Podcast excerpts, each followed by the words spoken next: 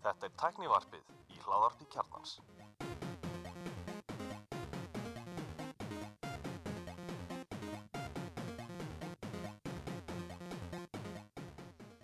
Komið sæl og verið velkomin í tæknavarpið.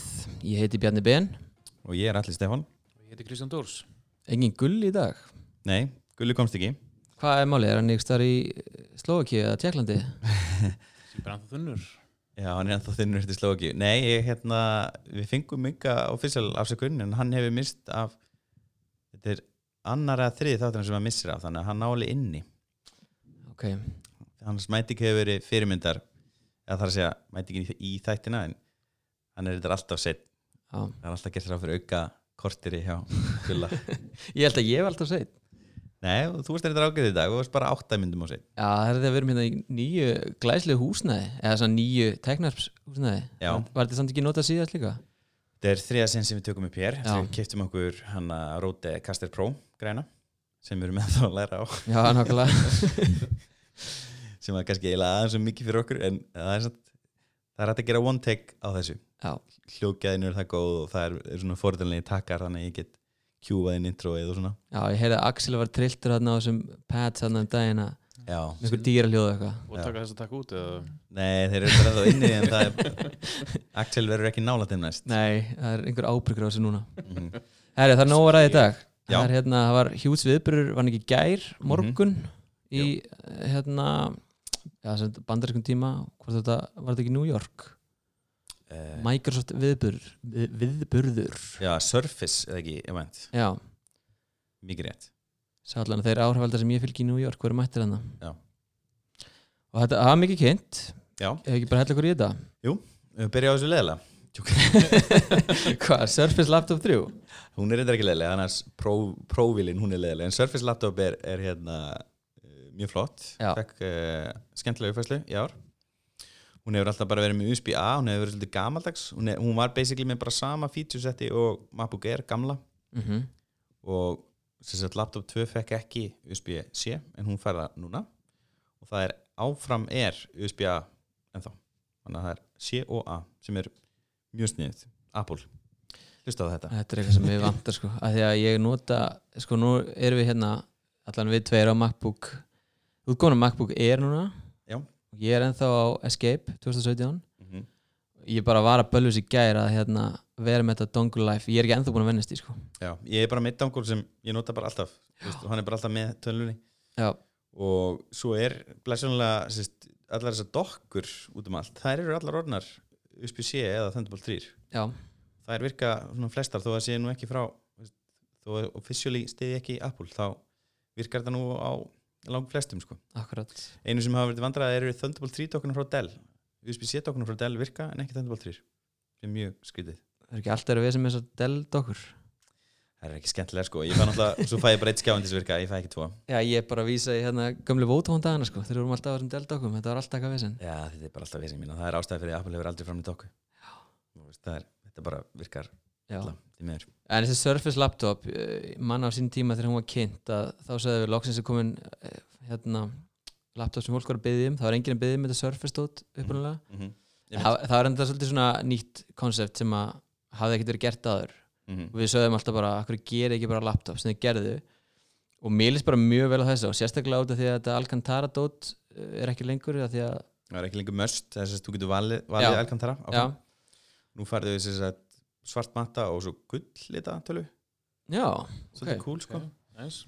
Og svo er komið 15 tómu já, tölva sem er eiginlega, ég er búin að tala um 15 tómu MacBook eða MacBook Air í svona fjögur ár eða eitthvað er alveg ennþá markaði fyrir það? 15 vill tómu. fólk, fólki bara þetta tómi með Það er bara máli, nú er, nú er footprintið orðið svo lítið út af því að þetta er BSLS og bla bla bla. Já, já, 15 tómi vél í dag er bara eins og 13 tómi vél back in days. Og veist, allir babbókunni passa fyrir þetta og Já, allar já. töskunar sem eru fyrir 15 tómi þær passa fyrir þetta mér finnst að 13 tómi passa fyrir þetta já, akkurat. Þannig að ég segi bara að bömpi upp stærna ég vil bara fá stærri, bara eins og með símana ég vil fá að 15 tómi sé hér nýja 13 tóma og þinnri en stærra. Stærri flutur já, og þetta eru bara mjög impressive tölur, þetta eru 11,5 tími sem þessi gefa upp hana í raflu er meira heldur en MacBook Air það er að merkilast við það líka er að hvað, hann hliðis upp í 80% á einu klukkutíma. Já, quick charge Já, Já, það er mjög cool. Og svo er 1512 með eitthvað sem við höfum ekki séður það er AMD örgjuri í þeirri vel í, til bóða, þú getur valið líka tíundu kynsluðar Intel eða þá hennar Ryzen örgjuri frá AMD mm finnst það mjög skemmtilegt sko. Já, spennandi. AMD er mjög heitt núna, finnst mér. Já, allir, úst, bortölubransin er að tala um þessa Ryzen örgjura. Endalust Hann, Hlini var nú, ég man að hann var að ræða við mig fyrir hvað, tveim árum því ég var að hugsa um það að fá nýtt skjákur þá bara er að koma. Hlini segir alltaf býtu en ok, ég minnst það bara solid vel og ég sagði held í okkar teknispillin okkar að hérna, það er svolítið vandrarlegt þegar að besta MacBook Air tölan, hún er framleitt af Microsoft og kemur Windows, það er mjög leðilegt Já,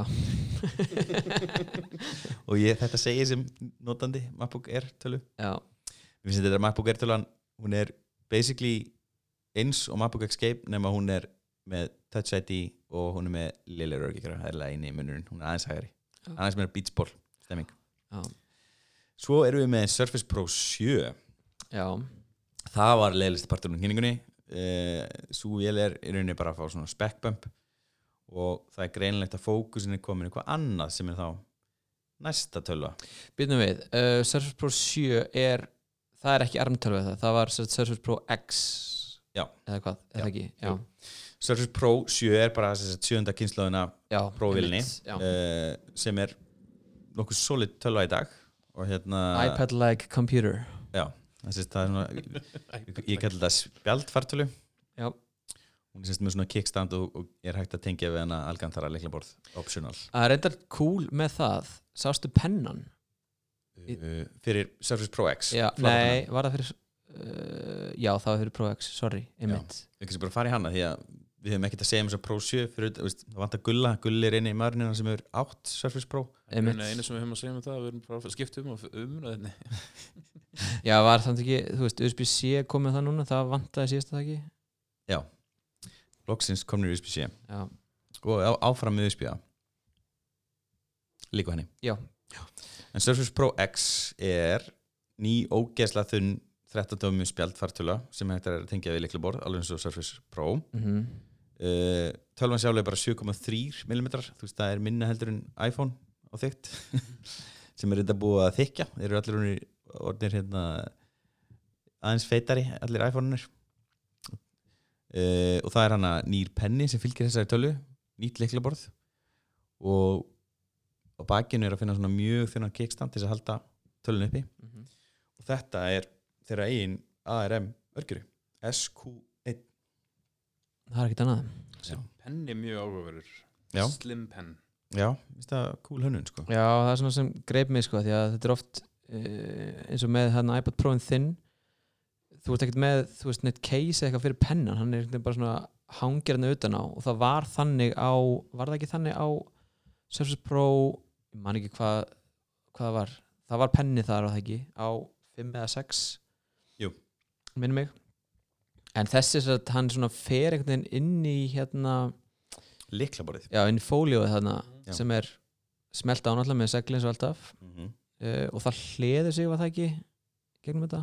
Það var allavega á hérna mestbrendi tölun sem við erum í á eftir það var hérna tölun um, þetta lúkaði mjög vel. Þegar hann hann að Panos okkar maður var að kynna þetta Já Mjög tökur Já, hann er uh, wireless hérna, hann hliður sig með snertirhæslu snertirhæslu hann og ný vasanum Þetta er svona marsúpial tölva kólabóksi, Kenguru, kenguru. Nei, þetta er kólabóksin, það er ekki hann sem er marsúpial það er, jú, hann er marsúpial það er kengura, er er ekki? það Kenguru en ok, armörgjöfi hvað segir með það, er það framtíðin? Sko, þeir eru náttúrulega búin að reyna það þetta er þriðja skipti sem ég kom með tæki sem er ARM based fyrst var það hann að þessi. Surface RT sem Já. við tókum í test og hún var ónótæk, hún var svo hæg Mm og það var, ekki, það var bara búið að taka uh, og porta Office bakkanum yfir veist, og browser Já, þú varst beðslega ekki menin upp sem voru, sem stuttu armörgjurina, Nei. þetta var náttúrulega bara og það fór engin í að þróa almennilega upp fyrir RT Nei. hún fættist andvana og en það, þetta var þá allan að kom, koma á næstu tölu sem heitir Surface Go sem við fengum að prófa líka. Mm -hmm. uh, og hún var bara nokkuð var Keyrði hún ekki Windows- uh, Kerið hún ekki Windows 10S? Jú, er það er ekki skrugla, er það bara ekki eins og niður ARM ég held ekki sko, ég minnir að það hafi verið bara svona svona Windows Lite version. Já, man nei, nei, það er Intel tölu þannig að þetta er þá önnur Intel tölu þessi Pro X. Eða Pro 10, er það ekki bara fram Pro 10 ég held að í þessum heimi þá sé það Pro X. Já, en það er ekki 10 box það er Xbox. Já, Uh, já, þessi tölu lítur bara mjög vel út og hún er greinlega svona, ég held að það sé að vera henni upp á móti iPad já það held ég. Þetta er svona iPod Pro competitor, er það ekki Jú. hvað komið verð á þetta? Um, 999 dólarar fyrir Pro X Já. Já. skemmtilegt að segja þetta er þarna þetta fjarlægi hérna harðardiskin solid state skiptum hann eins og þú vilt What? við bjóðum upp á 128, 256 og 512 gigabæk allana í, bara frá í byrjunni Hmm. en það er alltaf geðu þetta þetta skiptum Já, allt, já, og svo þarf þetta að fá hann með 8 gigabita vinslubinni og upp í 16, það er alltaf sem örgjurinn þessi SQ1 og ódýrst er hún á 990 og hún fer alveg upp í 1799 og tekur 16 og 512 ódýrstu velin frá fyrir Surface Pro 7 er á 749 Já. Er þetta bæ, er, þetta er allt án liklabors eða ekki, þú ert alltaf að bæta því við ég 200 gerir dólar bara ráð fyrir því jú. Jú, ja, það var alltaf þannig með Surface Pro að það var alltaf kefti alltaf líkla bara sér. Það var Ok, ekki ódýrt. liklabor kostar 140 150 Dara. Pennin er á Vá, hann er nýja pennin kostar 145 dólar ok, Það er slatti. Hvað er hérna Apple Pencil, er hann 99? Nei, var hann ekki hækkar upp í 129 Ég minni það var gamli hafi verið þá 99 var það ekki? Já, gamli er, gamli er það til náttúrulega og virkar fyrir já, já, fyrir hérna hinna iPadana sko. Já, Ekki Pro iPada. Já, nákvæmlega. þetta er impressive sko. Ég minna, og, og það er auðvitað búið að porta miklu meira yfir á ARM já, uh, en það er langt síðan ég prófað ARM Windows. Og það var ekki gott síðast. Já, já. en ég var spenntur að prófa þessa vel sko. Já, það er spurning hérna þegar eina örgjöru SQ1 hvort Mhm. það sé eins og Gulli sé alltaf að segja með hérna Apple, það bara gengur svo klukka þú veist, við vitum bara september þá er iPhone event og svona ég vil alltaf í oktober er hérna eh, svona auka event education eða iPad eða tölfur eða eitthvað slíkt. Og fyrir um sumarið er WWDC í júni og hérna það er spurning hvort að þetta verði svipað þú veist, uh, þetta er ekki alveg gengið svo klukka hérna svona undanverðin ár. En það væri gaman þetta, ef þetta færi kannski hans að detti þannig horf og, Mhm. og við fengjum þá SQ2 örgjörfa á næsta ári og svo framvegis sko. já, já, myndi, já, samla því. Uh, já svo kom hérna svo kom með heyrnatól já, earbuds. Surface Earbuds. Uh, 250 dólar heyrnatól frá Microsoft. Já, þetta er ekki alveg sko ég man eftir þegar hérna, Airpods voru kynnt uh, það kostar 169 núna var það ekki bara sama á þessum tíma? Eða var 149 var Ah, ekki? ekki. 159 það getur verið, jú. Og hérna, það var allir að segja að það var svo rosalega dýrt og svo þegar við vorum að skoða svona samkeppnina allir þessi, hérna bara í headphones til dæmis. Mhm. uh, þetta, þetta er allt saman dýrara. Allt saman dýra og þetta er miklu dýrara. Þetta er, það minnur 100 dólarum hérna rúmlega á þessu. Um, hvað finnst ykkur um hönnun á þessu? Þetta er alltaf svona- Veit það ekki, svona, er ég að fá mér svona airkanal eða eitthvað þú veist? Já, Þetta er það- lukkar þetta þannig sko. Þetta, þetta lítur svona, já, svona, þetta er svona, einhvern veginn svona flatir diskar sem svona hilja eirun einhvern veginn. Já, þeir, og þeir eru síðan með snerti bús á sér. Já, stíðja snerti aðgerir ég er nú með hana Sony MTR 1000X ég hata svona snerti fleti, ég hata á já, þú teyrur þennan í noise fluginu cancelling og bara já, eitthvað posar hann og þetta, er bara, þetta er ekki góð upplifin sko. Já, það ok. okay. held fyrstu tvo, tvær vikunar svo bara fór ég í flug með þetta og, bara, ég, ég, bara, ég, og það er ekki hægt að slökka á þessu mínum. Já, ok. Það er bara hægt á MTR 2 eða 3 Æ, eh, já, eins og sett fólk sem er búið að prófa þetta er mjög jákvægt já, feels amazing, segja sem er. Ég sé allan að endingin á þessu er alveg stór pluss sko allan. Þannig að ég er bara spenntur fyrir því Airpods sem er fjóra tíma þetta eru 8 klukkustundir segjar segja þau. Og 24 í vöggunni sem ég verð nú að segja er nú ekki eins snoddur og Airpods svagan hann er aldrei stór. Hún er svona eins og líkista sem Johnny Ive myndi vilja láta grafa sig í læginu En þau sögðu á sviði ja, hún, daman sem var að kynna þetta uh, 24 hours, en ég skildi það sem væri bara, wow, getur verið með þetta eirinu bara í sólaring og Nei, það er með vöggunni. Það er náttúrulega með vöggunni sko. Svo er þið með Swift Pair, auðvelda pörun. Já, er loksins einhver annar en Apple búin að ná því hvernig maður para Bluetooth græður, Greinilega, sérst, eh, Samsung er vist eitthvað búið að reyna að gera eitthvað svipað ekki? Eða það, Þeir eru með eitthvað líka svona proprietary pörun. Ok. Frábært að það er sér að gera uh, Endilega sjá meira af því. Já. Og gæsla leiðilegt að para Bluetooth það er Ekki. Má, sko. ógæðislega leðilegt og það sem er vantar á hérna Airpods að það getur tengst í fleiri en eitt tæki í einu að því ég svari síman mm og ég er með í tölunni og þú veist, þetta er óþólandi Já, ég samla því Það er líklega Ramax kröfur. Já, já, já, já. Okay. En hérna það var eitt með þetta hérna, að það var svona transkripts og svona þýðingar, live þýðingar á þessu ef ég skildi það rétt mm -hmm. sem svipa eins og kynnt hann á Google Pixel Buds á sínum Mhm. tíma uh, Veit ekki hvernig það virkaði með hann að Google hérna tólin Hefði hann keiftur svona hann hérna Elmar á það ekki Keftir ekki tvö pör líka? Var það? Óvart eitthvað kefti Ok. Já.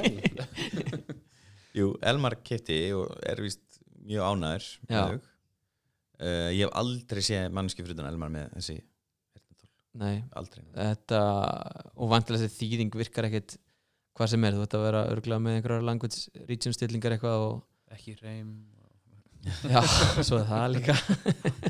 Ég held að ég hef ekki séð þessa tekni fara flug sko. En ég var einmitt til að prófa það almennilega En ekki, eða þú veist, þetta þetta er ekki bóðið Airpods.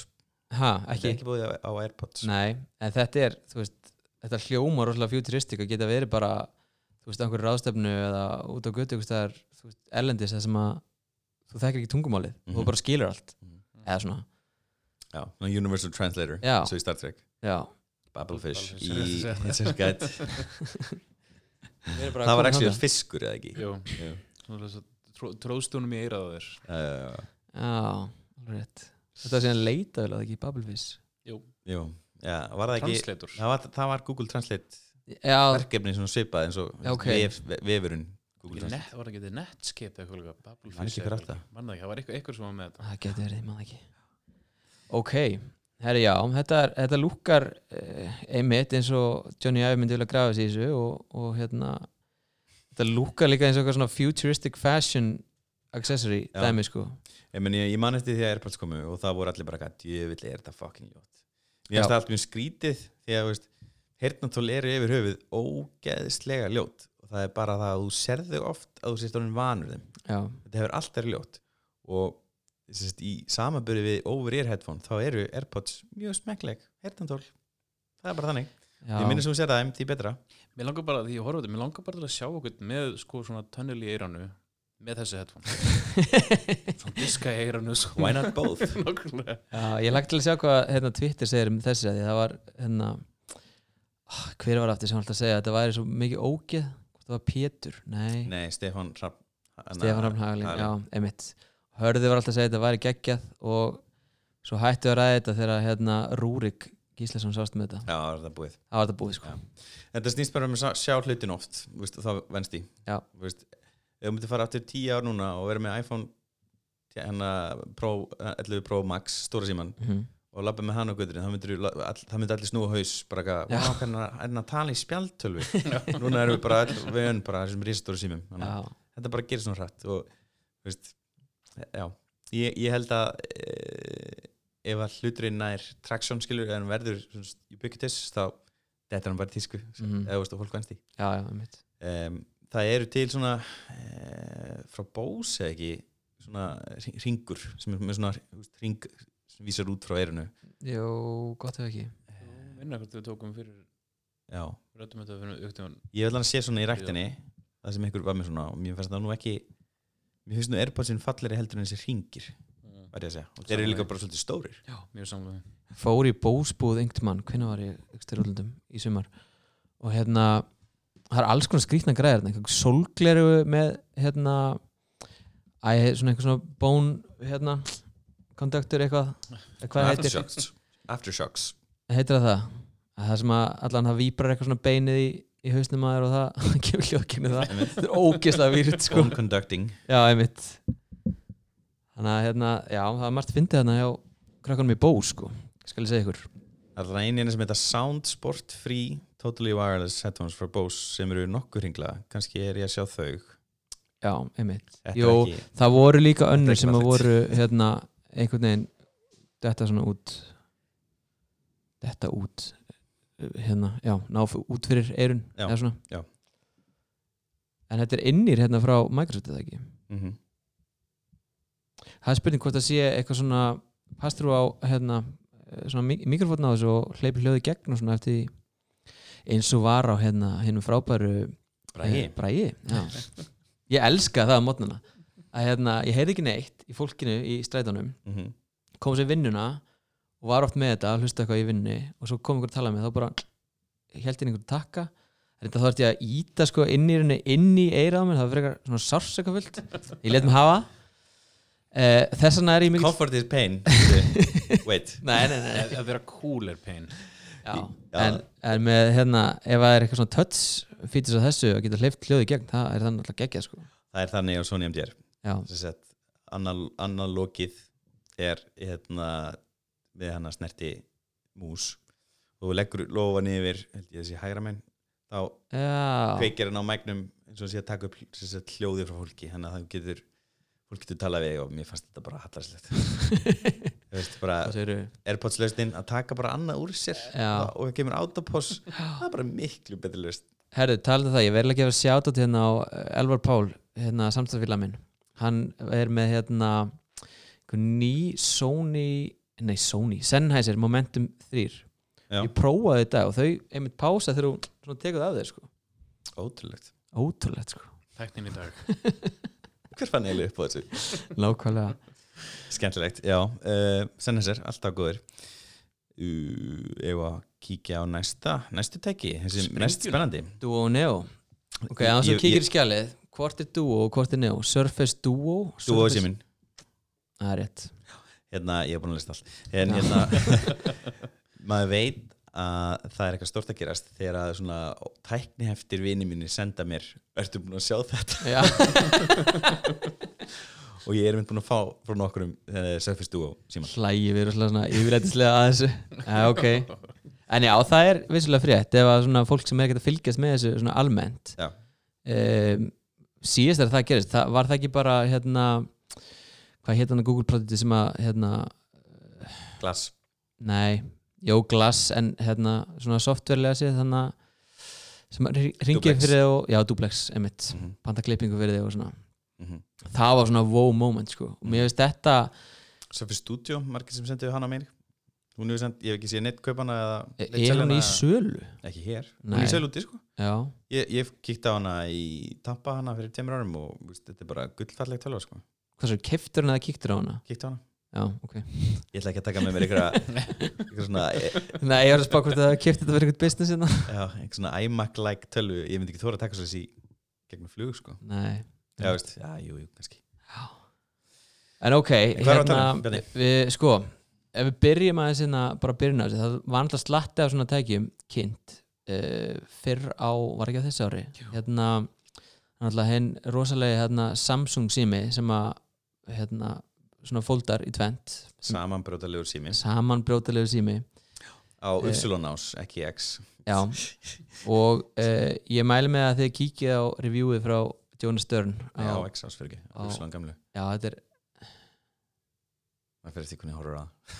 þetta er Upsilon House Já, Upsilon Það veist, gömlu samanleikur síminir, veist, þeir klemtust frá toppi til boss Já, og þessir klemmast saman vinstri hægri hlið. Að hérna... Já þú Fold, þú talar Nei, hann klemmist Hliðana mætast. hliðarna mætast, já, á Já. Í stað, en gömnu samleiku síminir þeir eru veist, náttúrulega búið til samanbrjóðalegi símar. Já, já, og reyndar ekki með skjá í gegnum miðina þeir eru frá toppið til táar já. og hér eru við með tvö tekki sem eru samanbrjóðaleg en þau eru ekki með uh, samanbrjóðalegan skjá Nei, einmitt, þetta eru ekki sett plastskjáir. Þetta eru bara, glerskjár já. Uh, og við byrjum kannski bara á símanum er það ekki bara? Mhm. um, þetta er sett Android sími. Mhm. Eh, en það var talað, Panos talað um að þetta væri sagt, í samstarf við Google. Mhm. þannig að það er spurning hvernig að uh, það er náttúrulega syngt hérna og er á öllum myndum svona, hann er protensjótt, þá er dokka á þessu, þess að dokka á skjánum sem eru Microsoft vörur um, og þetta er nú tæplega bara Android uppin eins og þú ferði úr Play Store, það er örgulega búið að eiga aðeins við þetta Mhm. uh, aðeins meir en bara að hérna, hafa stuðning fyrir svona samanbrjótanlegan skjá eða þetta er raunin bara tveir skjáir þetta er ekki samanbrjótanlega skjár Nei. en þetta er mjög töff svona hvernig þetta var sínt að hérna, þú ert með á annar hliðinni kannski inboxið á mailinu og svo hinn meina ertu með pain þar sem þú hérna, Mhm. getur lesið instant mail uh, sem dæmi bara fyrir e-mail þetta lúkar mjög vel myndi ég segja. Uh, þetta er svo tveir 5,6 tómi skjáir. Og hvernig var þetta? Þú lokar þessu, þá, það er ekki skjár þar. Þetta er bara, þetta er bara svo- svona laptop þannig sé sko. Já. bara tveir skjáir. Og hérna Marquez, vinnuðinn hann talar um að sagt, í rauninni skjáin eru varðir.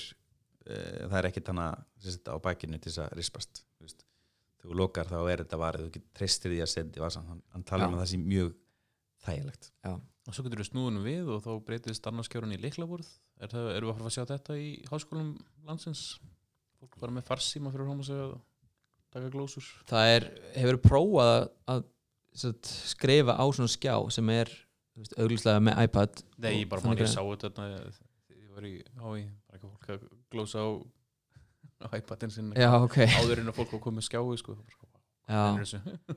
það var hérna mjög flott tölva sem að var frá Asus var það ekki, sem var svona foldable með sem sagt, tveim skjáum Jú, svo kom einhver, einhver Lenovo koncept um daginn líka var það ekki Lenovo sem ég er að rugglast við já, alltaf ekki Lenovo mm -hmm. og ég prófaði að skrifa þetta og þetta var mjög skrítið sko, ég veit ekki hvort það venst en, en þetta er allavega ég held að það verði aldrei eins gott sko, en, nei, ekki eins og That's just me. með fysikal já, liklaborð sko. En uh, já, ég veit ekki, Hva, hvað komið verð á þetta? Ég er ekki að reyna að sjá það í þessari verðskrein í dag. Uh, með minnir ekki. Það ég held ekki, og release þetta er sem sagt um jólin. 2020 2020 það er langt í þetta. Og þeir segja hérna hann, Panos fór í viðtal til The Verge og hann segir hérna að hann hafi uh, ástæða fyrir þeir eru að kynna þetta með svona miklum fyrirvara er vegna þess að þeir eru að fara í sömulegu og AirPower frá Apple. Hérna, er vegna þess að þeir vilja sérst, að þeir sem eru að þróa upp undirbúið sér fyrir þetta tæki. Þegar að tæki kemur að marka þá eru kannski eru helstu samstarfræðalegir hugbúin gerð eru, eru þá kannski konum með einhver upp tilbúin bara. Einmitt. Já, en svo, svo náttúrulega verið að nýta þetta sérst, Android, sérst, Google er náttúrulega búið að láta uh, talsverða að vinnu í það að undirbúa fyrir Galaxy Fold. Mm Mhm. það, það var slatti komin, skilur og þeir segist vera að vinna náðu með Google við að, að hann þetta ennþá frekar, þannig að það eru gaman að sjá hversu integratið þetta verður, því að þetta stendur og fellur bara með hugbúnanum, finnst mér sko. algjörlega, Samanlega. það er ekki- lukkar ógeðslega vel sko. Já, en mér sérst, ok, ég las öll þessi Galaxy Fold 1 ri- um- allar umfjallarnar sett fyrri þannig í sumar. Já, sem var tekin úr sölu og, og hérna sem er náttúrulega eiginlega sami símón er komin núna í sölu. Já, já, það er bara búið aðeins að svona Tweakan tvíkan til og setja hulstur hér og fylla upp í göttin hér og eitthvað svona. Og hérna og það, það tölu allir rosalega vel um í rauninni sem sett helstu styrkleika styrkleikana við þetta, það er rauninni að þú færð eitt mjög stóran skjá og færð næst í svona spjaltölulevel skjá frá tæki sem þú getur brotið saman og sett í rasvasa og þú getur farið með puttan á milli. Mhm. þarna er það tvent frekar, veist, þú getur ekki slæta á milli á, á snettskjánum. Það er alltaf hérna brík á milli.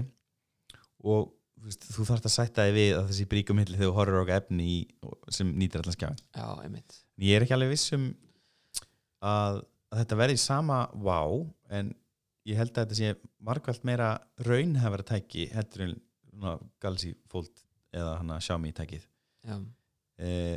Og held að það mögulega að þetta hafa bara meiri framtíð fyrir sér sko það var samt sko ef þú horfðir á hérna bara kynninguna, það var eitthvað svona drag þú varst að hérna draga eitthvað á öðrum skjánum og fóst að miðjunni sem Mhm. að kanturinn er, þá gerðist eitthvað á hinn skjánum, þú veist, Mhm. það fór í fullscreen eða síndi þér annað innan þessa apps eitthvað svoleiðis, sko. Mhm. þannig að það er ekki alveg búið að hugsa fyrir því þannig sko, en, en hérna, já, það er spurning fyrir hvernig er þetta og hvað það var að kosta? Ég myndi segja að þetta verður örugglega 2000 dólar pluss Já, algjörlega. Já, veist, ég meina þeir eru eitthvað 2000 dólar fyrir Galaxy Fold sem er markvært, markvært dýrar að tekja framlýslið já, held ég að hérna þetta verði örglega ekki langt frá því sko. Og hvað segja, er Android bara framtíð Microsoft? hann segir hana í viðtalinu við Verge. Glottir no no no no no Þetta Alveg, minnir hann- Apple að átta Apple. Apple er hérna það var no punktur á glærinni en hann segir no no no no no no. Já. Uh, Hann segir að séu að þau séu að velja það stýrikjöri sem hendar þessum formfaktor. Windows is everything segir hann svo bara rétt eftir því. Android is the obvious choice for this form factor but anything bigger than that Windows is everything. Uh, Já. Ég veit ekki með ykkur en ég nota MacOS mjög fínt. Já, minnst það áhverð ég sé að nota Android. Þetta er náttúrulega það sem þeir keiftu Nokia því að Nokia var mm að hanna leini Android síma og þeir eru svo reyðir að þeir keiftu það bara. Núna er þetta nálgast Windows stífjöli Já, Windows stífili er þetta keiftu aldrei þannig part sko. Nei. Það er að missa af stóran pluta þar að fyrirtækinu. mm. Ég er að horfa á hana mynd þar sem einhver er með búin að taka upp áskjána og er að halda þeim svona í já, svona, sérst, eins og þessir opnir og það er mjög erfitt að halda þessum síma en að kannski lappa með einni hendi. Þú veist, þetta er bara alltaf tvekja handa sími. Þú getur eiginlega samt ekkert skrifað á hann eða indirekta hann almennilega þegar með hann svona út feldan sko, eða það eru alltaf svolítið svona óþjált. Já, ég held það. Já, ég veit ekki, mér langar að prófa það uh, minnst það spendi og minnst það mjög flott hjá Microsoft að þeir sé að fara þeir sé að fara í þess átt. En, við taka stærri vilna Já, Neo. Það er Windows töla Er það með ARM? Ég glítið að tjekka á því. Örgjur Já, ætla það ekki. Það hlýtur að vera. Já, lítur að vera. Það er, það er hérna Ristortöla Sér svona, er 13. mjögulega Var hún svo stór? Jú, það ekki. Mér minnir að hann segir eitthvað hérna þú hann Panos og það segir henni hann segir að það sé ekkert sens í neinum tækjum þarna á milli. Það, það, það er bara alveg off að vera hann á milli. Mér finnst það svolítið ákvæðart Þeir eru alveg búin að testa greinlega margar stærðir. Kúrierinn, náttúrulega sem var fyrsta úgóðan að þessu tæki sem hann að laga einhvern tímann. Mjög flott koncept sem vakti mikla aðteklu sín tíma, hvað er það, fjör ár síðan, fimm ár síðan eða eitthvað? Ég bara, vera Nei. viðkynni, ég, ég bara veit það ekki. Þú veist, ég var að horfa á þetta í gær sko hérna nokkur, hérna, nokkur umfellunir og það var einn tala um það. Ég bara man ekki eftir þessu Jú, ég man þetta tækinni þegar ég sá myndaði sko en, en bara, þetta er bara þurrkað á mínu minni sko. Já, ok, það fór ekki neitt sko, þetta er bara hvarf. Já, já. Veist, það er bara. myndið máli með þetta þetta er, þú veist, mér finnst hérna, Samsung Fold þetta er bara konsept ennþá sko. þetta er ekki tilbúið. Og ég veit ekki með þetta hvort að þetta sé eitthvað jú, náttúrulega átt af því að eins og þú veist að segja, þetta er raunin bara tveir skjáir. Þetta er Mhm. ekki eitt skjár sem er sambardilegur þannig að þú veist, jú, ok fæn, en ég veit ekki með þetta sko. 5,8 tómi, það er sama á iPhone 10 og hann er ekki 5,7 já. minnum mig. Eitt skjárin er svipastór á iPhone nema hann er með, hann er með hérna, enni og huggu. Svo er þetta einhvern svona, eða eins og öðru sér líka. Þetta er eitthvað, þetta er ekki 16.9 þetta er ekki 21.9, þetta er eitthvað allt annað. Er það ekki bara eins og Surface Laptop? Hún er alltaf í 3-2 já, alltaf sé 3.2 Geti verið. Ég er ekki viss að þetta sé 3.2 það getur mjög hluti upp. Já. Ef við værum bara með tölur og internetið Hugsa þér. Þeir eru náttúrulega netlisirina þess að trubli ekki já. Tók. alltaf tengdir. Já, ég veit ekki Hérna með Surface Neo Þá er hérna þetta er, þetta, þetta er þetta Windows 10X Já, sem er sama og er á Pro X. Windows 10 10 já, 1010, Windows 1010 Já. Du- du- du. þetta er já, 13 um vel Já, full 13 inch workspace. Um, Two separate 9-inch displays that fold out to full 13-inch workspace. Einmitt. Elskar þetta, workspace. Já, já. Svo var hérna uh, ég tweetaði nú myndi gær og hendin svona stuttur klippi á þessu. Um, það sem að liklaborðið er svona einhvern veginn festað þarna með segli og kemur svo ón á annan skjáin og Já. skjárin breytist þá í ógeðsla stórum touchbar sem er svo slæmt. Er ok? Ég veit ekki með þetta sko. Af hverju er ekki bara líkla bara stærra? Já, ok. Uh, En þú veist, það sem var ekki alveg útskýrt er hvað gerir við líklaborið þú ert ekki að nota? Er það hangir af einhvern veginn hann utan á eða? það festist aftan á. Það festist aftan á? Já. Já, ok. Bara með seglum finnst það cool sko. Uh, ég ekki til að prófa þetta. Þetta er alveg svolítið þægilegt sko. Veit ekki minna touchpad sko. Hérna ekki Pixel C hérna Pixel það var alltaf mús en þetta er touch að Pixel C Pixel Book C eða ekki eitthvað svolítið tala um hana. Jú, það var sem sagt Android 12 eða ekki. Jú, það, jú hún gerði Android 10.2 tómur uh, Það var koncept sem að mér Herri, Surface Neo er með Intel. Já. Áhugavert. Þeir setja Þeir sem eru með Snapdragon 8, 855 í Neo, nei hérna Duo. Þeir eru með Intel. Kemur ekki vart hérna, þeir og símin, já. svo eru með Intel örgjörða í, í hérna Neo, Neo. og svo eru þeir með ARM örgjörðan sin sem eru séf framlega bara í spjald fartölunni sinni. Já, þetta er skrítið að þeir eru ekki náð að læna þarna og samnýta eins sennan SQ1 örgjörða emitt Maður hefði haldið það, það væri emitt einhver svona samnýting. Mm -hmm. þeir náðu því ekki. Eins og þetta er með hérna, símana og tölvunar hjá Apple, þetta er allt hvena kemur bara A12, A13 í hérna. MacBook? Já var ekki 2020, var ekki Það talað um búið að það? drepa MacBook? Já, eða þú veist þá meina ég fartölu línuna. Já það var talað um hérna 2020 næsta ár sko. Mm Veit ekki, sjá hvað gerist núna í oktober, það er náttúrulega rúmur sem er næsta frétt. Við Já, erum búin með Microsoft. Já, að uh, já eh, mér vil bara segja að hérna, þetta lukkar rosa vel, þetta er gullalegasta tölva sem ég hef séð bara á æfinni held ég Gulli, gulli mun eiga eitt allt. Eh, já, já. Já, örgulega Anna mun eiga einhvað sem fyrir ekki. Það er að segja þegar þetta kemur sölu á bland. Já. En hérna, já ég veit ekki þetta, Þegar early adapterinn eru búin að fykta og hata þetta þá fær gulli þetta. Emitt eh, þetta liklaborð á neotölunni ég veit ekki, þetta lukkar ekki þægilegt og mér finnst eitthvað skrítið við það að setja leggja svona liklaborð og og skjá. Þetta er örgulega Ef maður var að brjóta skjáin. Já, þú veist, ég sé ekki fram að maður sé fara að gera það að maður sé með hérna, svona butterfly me- mekanisma og það er svona hamra á liklaborðstundum Mhm. sem er ekki þessu sko, þannig að það er ekkit vandamál. Ég er ekki vissum að mér langi í nýju tommu fartölu með touchbar og lélu leikbóri Smorða það þannig. Ég er ekki vissum að markarinn markarinn langi í slíka vel Nei það, og ég held að markarinn vilji heldur ekki 13 tommu spjaldtölu uh, einhver þess að veru Ég- Já, já, eða þú veist hönnur er alveg með 13 tómu iPad stóra.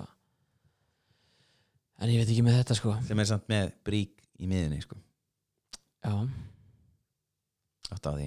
Já, ég veit ekki, ég held að þessi, þessi Neo sé að fara en, lendi í miklu vandræðum en bara því meira því ég horfa á þetta þá ég sé engin, engin nótur þetta Nei. ekkert sem ég geti gert með þetta nei kláða en, síminn, mér finnst síminn Já, áhugaverður. síminn síminn áhugur en þú veist, með svona stóna touchpad ég er að reyna að vinna og bæta ykkur litlu líklaborð það er bara, það meikar ekki sens fyrir mér og ég meina, kannski, kannski er eitthvað sem að sér þetta og er bara, þetta er akkurat það sem ég er búin að býða eftir Já, mér langar alltaf að prófa það og þetta Já. er náttúrulega, þetta er svol- svolítið Microsoft er svolítið að prófa sig áfram og, og hefur tekist að koma á sölu eh, Pro, hana, Surface Pro 12 þeim gengur víst ágætlega. En bara það geggjað, alltaf gott að fá meiri samgjöfn á markaðan og af öllu þessu sem var kynnt, það fannst mér eiginlega Surface Pro X svona mest spennandi. Samanlega ég er endur það er alveg til að prófa líka Airbuds þótt að þau eru Ég myndi frekar nota það heldur en þú veist, þetta, heldur en þetta? þetta já, Já. Klálega sko, þú veist, eins og bara segja, þetta er gott dálítið svona sem er, þú veist, ég, ég vanur því að nota iPad Pro leiklaborði, það er gott leiklaborð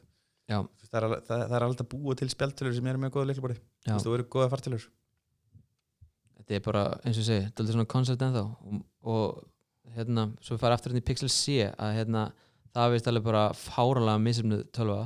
Já, alveg brjálað, brjálaðslega floppaðist en þetta, það lúkka áslega vel. Einhvern veginn, hvernig að líkla bara svona fóltaði saman og var allt í segli og var hlaðið svo meðan? Þetta er bara, þetta þetta er geðveitt sko. Mm þetta koncept sko. Og bara ég vona að þetta nái einhver flugi í framtíðinni hvað sem verður Microsoft, Google eða Apple sem að gera þetta. Mhm. Herri, ef að tala þá um uh, Apple viðburð í oktober Já, það eru sérst byrjar að koma orðumar um viðburð. Það er ekki búið að staðfesta neinn viðburð síðustu við sig, Nei, það er ekki búið að senda nei, neinn bóð sko. Nei. en það var ímislegt þarna sem vantaði af kynningunni sem var búið að leka um að væri á iPhone kynningunni eins og hana uh, Apple Tag Já, sem er hana leitanli Bluetooth pökkurinn. Það, sko, ef það verður ekki kynnt núna þá hlýtur að vera kynnt bara á WWDC í sumar eða Já, þá í september. Já, einmitt. að því að sko það eina sem að hérna hvað hétt uh, örgjurinn var að uh, nei, hvað hétt hann aftur? Nýji hana Directional Já, örgjurinn sem var ekki sem var uh, ekki talað um á kynningunni sem er Einmitt. búið að sig inn í iPhone Já. 11 Pro. Eina sem hann gerir núna er bara að prioritæsa airdrop þangar sem hann vísar, vísar símanum mm -hmm. um, þannig að það hlýtur að vera að þetta tag sé kynnt einhvern tíma fljóðlega Já, í staðið mjög leiklegt en það, það er ekki hægt að kynna hérna, þetta chip. Hérna og segja bara já þetta og það prioritæsar airpod nei hérna Airdrop. Airdrop. Uh, Þetta í hvert þú bendir.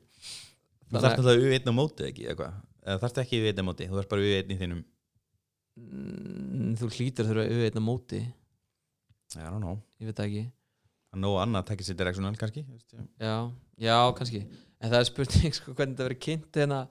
Já og svo hérna getum við nota hérna U1 örgjurinn með hérna Apple Tag sem að við hérna kynntum ekki. En það, satt, það var satt í símanum. Mhm.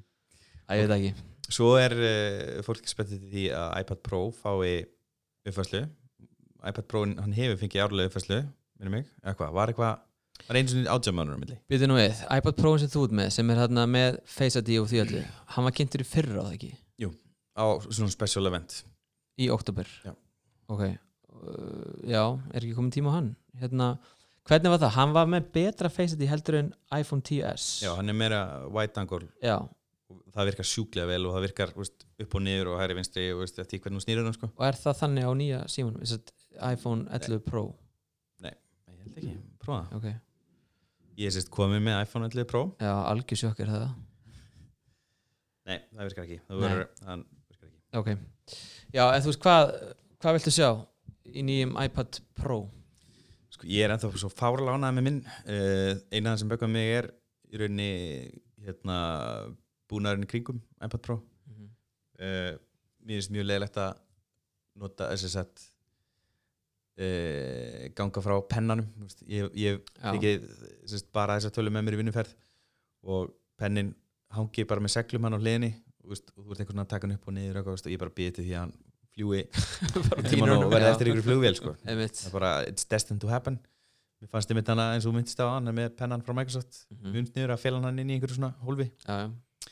uh, mér finnst leiklaborðið ekki alveg nóg gott því að sérst, gamla leiklaborðið bauði upp á það að geta lagt hann svona flatan með litlum halla uh, sem ég nota talsvægt mikið.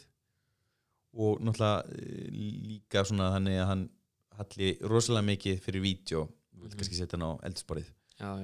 Það er sem sagt, mér finnst nýja coverið, nýja liklaborðskoverið vera með minni getu, minni sveðanleika finnst mér.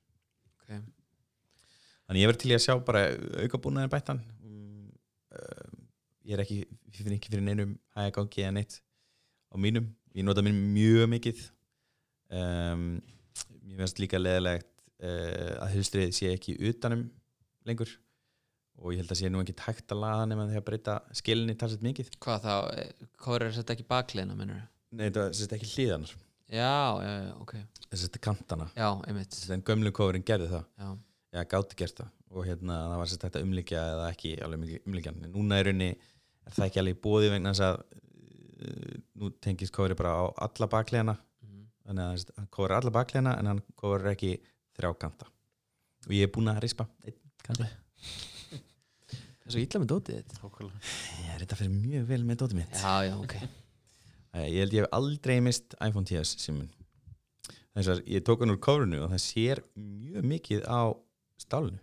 Ertu með hérna Apple leður coverið Já. já, Það er bara mikið risp þar inni sko ég ákvað að kaupa hérna fyrir minn TS kefti ég hérna Silicon Apple höstuð. mm það er bara drullu lélegt það er ógslega það er bara rifnar alltaf hérna hjá að neðst, eða Neðst. mist fara að flagna bara af og ég bara að fara að sjá beinigrindina sko. við erum búin að kaupa þrjú, ægir kaupir alltaf hérna þetta bleika Já. og það bara rifnar alltaf það er bara svona halda ára það var það ónýtt að það mætti bara lækka í verði og, og selja á half price með leður, leðurkóri leðurkóri er miklu betra sko.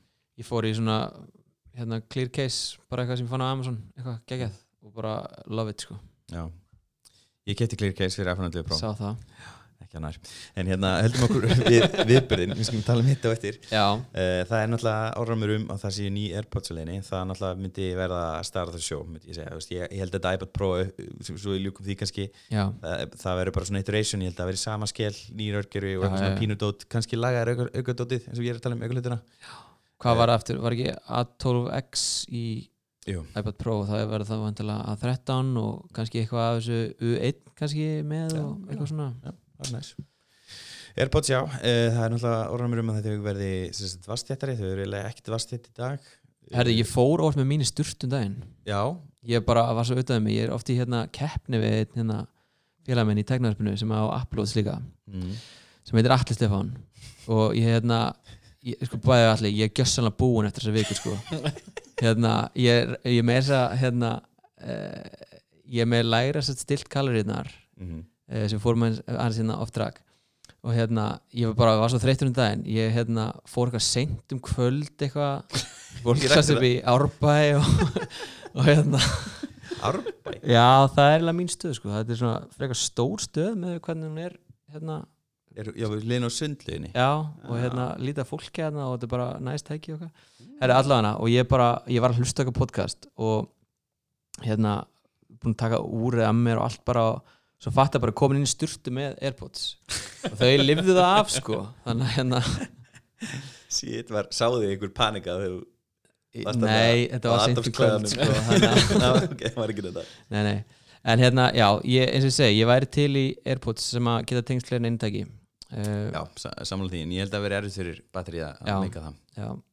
Uh, ég væri samt til í að fórna batteri fyrir það, fyrir þann eiginleika af því að það er bara, þú veist, ég noti þetta ógeðslega mikið.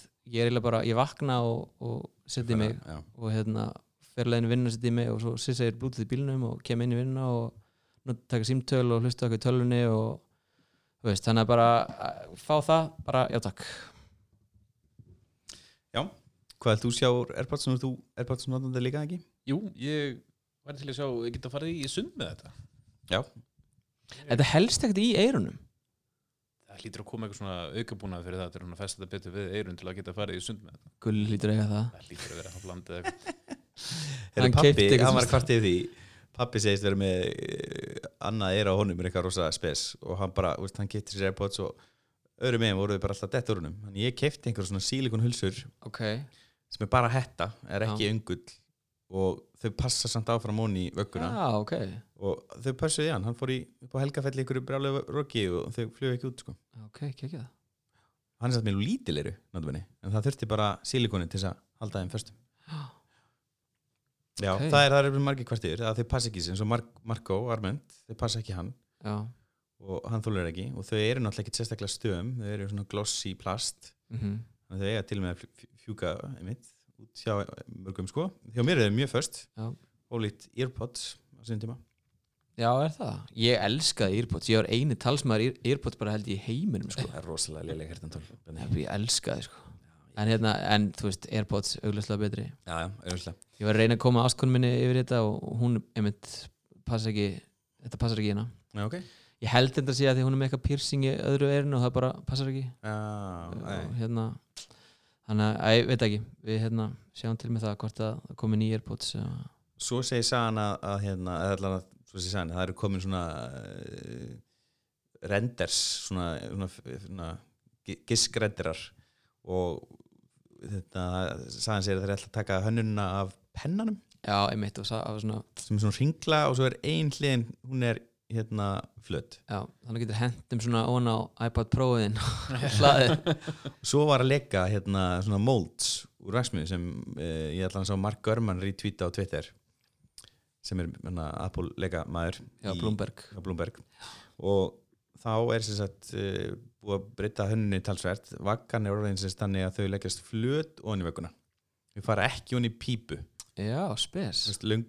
Já. st- stilkanir þeir, þeir runni heyrnatólin leggja svona flöta á hann mm Mhm. bara eins og við sofum bara eins og þú færði það upp úr kassanum í hérna, með iPhone runni. þetta var alltaf í svona flötum kassa, mástu? já, já, já, já, basically gera þetta að setja þrývata hans betur Jú, hann er mikið að festast hann í uh, og þetta væri auðvitað snirtilega og, en þá þýðir þá er rauninni vakkan orðin svona svolítið eins og Microsoft þannig að líkist hann, hún er orðin Mm. svona flöt og löng. Líkist það lítur þetta svo líkist það, ég skal alveg ekki það. Já, já, þetta gerir það.